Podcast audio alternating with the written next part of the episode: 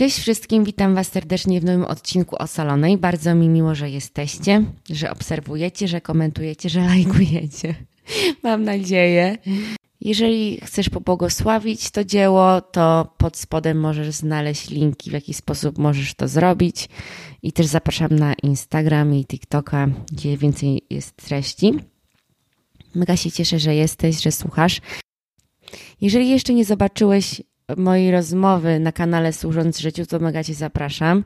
Też podlinkuję poniżej tą rozmowę. Mega się cieszę, bo naprawdę wiesz, że bardzo fajnie wyszła, bardzo naturalnie wyszłam i to, co mówiłam, to naprawdę Duch Święty sam pokierował, więc mam nadzieję, że będziecie pobłogosławieni. Więc chciałam zacząć y, wersem z Pisma Świętego, czy znaczy kilkoma z Pisma Świętego, z listu do Efezjan z drugiego rozdziału. Y, od pierwszego wersetu. I wy byliście umarłymi na skutek waszych występków i grzechów, w których żyliście niegdyś według doczesnego sposobu tego świata, według sposobu władcy mocarstwa powietrza. To jest ducha, który działa teraz w synach buntu. Pośród nich także my wszyscy niegdyś postępowaliśmy według rządz naszego ciała, spełniając zachcianki ciała i myśli zdrożnych i byliśmy potomstwem z natury zasługującym na gniew, jak i wszyscy inni. I następny fragment, który jest, wierzę, bardzo znany, chciałabym przeczytać, z rozdziału trzeciego z Ewangelii Świętego Jana. I to jest um, rozmowa Jezusa z Nikodemem.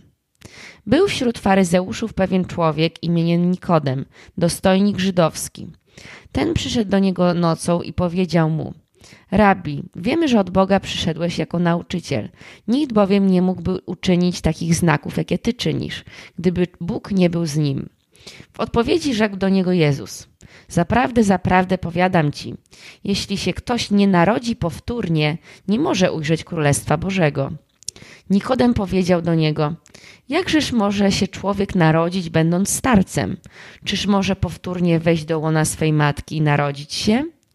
Jezus odpowiedział: Zaprawdę, zaprawdę powiadam ci, jeśli się ktoś nie narodzi z wody i z ducha, nie może wejść do Królestwa Bożego. To, co się z ciała narodziło, jest ciałem, a to, co się z ducha narodziło, jest duchem. No, więc to są dwa takie fragmenty z, y, przewodnie na dzisiejszy podcast. I mm, trochę właśnie mieliśmy o tym, o cielesności i właśnie y, a propos narodzenia z ducha. Czyli ten pierwszy fragment z listu do Efezjan właśnie mówi, że no, o, o tym trochę, co mówiłam w zeszłym y, podcaście, czyli o tym, jak jakby, że na świecie, tak, że byliśmy kiedyś przed nawróceniem. My jakby żyliśmy według e, tego świata, tak? A władcą tego świata jest szatan. Więc i że kiedyś właśnie postępowaliśmy według rząd naszego ciała i spełniając właśnie każde zachcianki, co nam się zachciało, to tak postępowaliśmy i, i zasługiwaliśmy na gniew. No i potem mamy rozmowę Jezusa z Nikodemem, gdzie Jezus wyraźnie mówi, że musimy na nowo narodzić się, aby wejść do Królestwa Bożego, czyli musimy wyjść właśnie z tych uczynków cielesnych i narodzić się ponownie z ducha, czyli zacząć postępować jak duchowi ludzie. Jako człowiek składamy się z trzech elementów: ducha, duszy i ciała.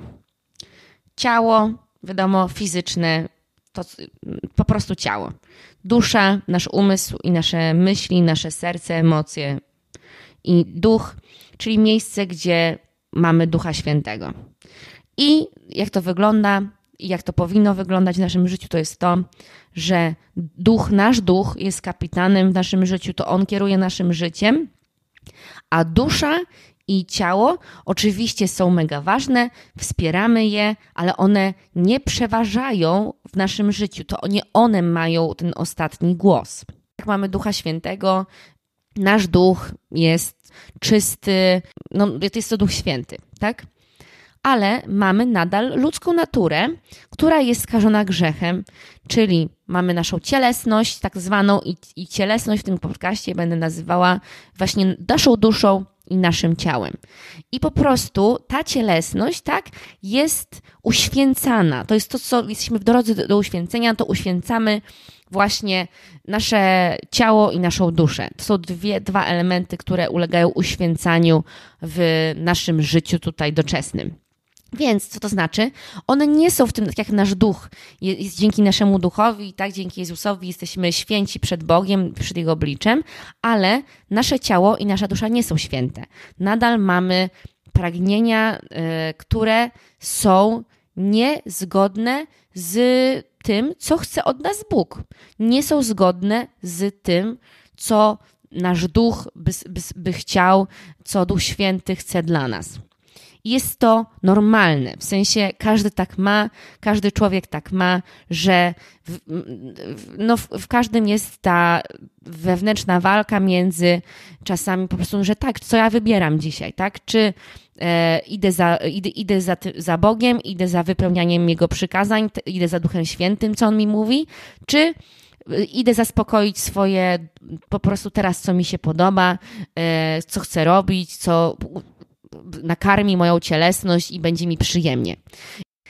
Też może to wyglądać inaczej na każdym etapie, jakim, jakim jesteś duchowo, no bo z reguły powinniśmy właśnie, jak, jak doświadczamy Boga i ogólnie jak żyjemy, no to postępowo wchodzić w głąb właśnie, gdzie to nasz duch jest e, karmiony przez nas, więc momencie, kiedy właśnie siejemy i umacniamy naszego ducha i uczynki ducha, to te cielesne żądze, one są, przez to, że są niedokarmiane, to one umierają powoli.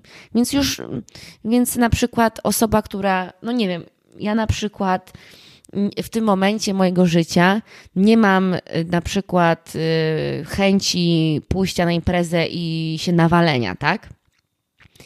Jak to zabrzmiało.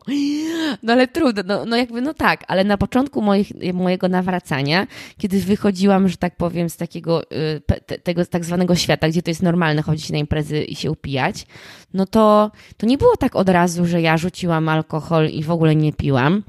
I też nie mówię, że tak trzeba, ale mówię na swoim doświadczeniu. Tylko no, nadal lubiłam imprezować i sobie i piłam tak. Może trochę mniej niż wcześniej, ale były takie, były takie okresy. Dopiero później, ja już teraz nie wiem, nie pierwsze lata, coś takiego. No na przykład taki przykład, tak. No e, więc to będzie różnie wyglądały. Moje na przykład teraz, e, moja cielesność najbardziej teraz może wychodzić takie żądze, to jest e, siedzenie za długo na telefonie.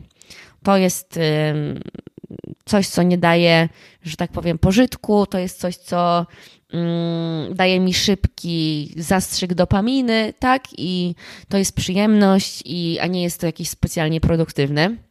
Więc to może wyglądać różnie na różnych etapach naszego, naszej relacji z Bogiem i duchowej.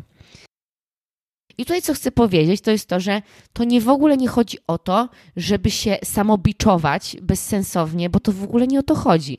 Chodzi o to, żeby zastanowić się, co ja karmię, tak? W co ja sieję. Czy ja wzmacniam mojego ducha i przewodnictwo ducha w moim życiu, czy ja wzmacniam przewodnictwo mojego ciała w moim, mojej cielesności w moim życiu. Jeżeli chcemy mieć życie duchowe z Bogiem, które jest progresywne, tak, które się rozwija, to musimy wzmacniać naszego wewnętrznego człowieka, czyli naszego ducha, żeby to on kierował, żebyśmy, no jakby to on, jakby to, jakby to też my, to nie jest jakieś oddzielnie, oddzielnie, to też jesteśmy my, tylko jakby chcę to, żebyście zrozumieli, o co chodzi, nie? Więc jest to mega ważne, co robimy każdego dnia i nawet takie najmniejsze rzeczy, które robimy, bo one potem wydają swój owoc, tak? Czyli na przykład może nam się wydawać jednego dnia, że moje 10 minut czytania Pisma Świętego to nic nie daje, tak? Jest inaczej, jakbyśmy zrobili przez 90 dni każdego dnia przeczytam 10 minut Pismo Święte, no to zobaczymy, jakie są tego owoce po 90 dniach tak? Niż zawsze nasze sianie od razu pokazuje owoce, tak? Ale tak samo z drugiej strony, to, że ja, ja zjem, nie wiem, pięć razy w tygodniu McDonalda, to może ja w tym tygodniu nie przytyję 5 kilo, tak? Albo moje zdrowie się nie pogorszy, ale przez 90 dni, jakbyśmy tak jedli, no to chyba zobaczysz różnicę, jak będziesz, swoje, jak będziesz wyglądać, tak? I jak się będziesz czuć. I to jest tak samo.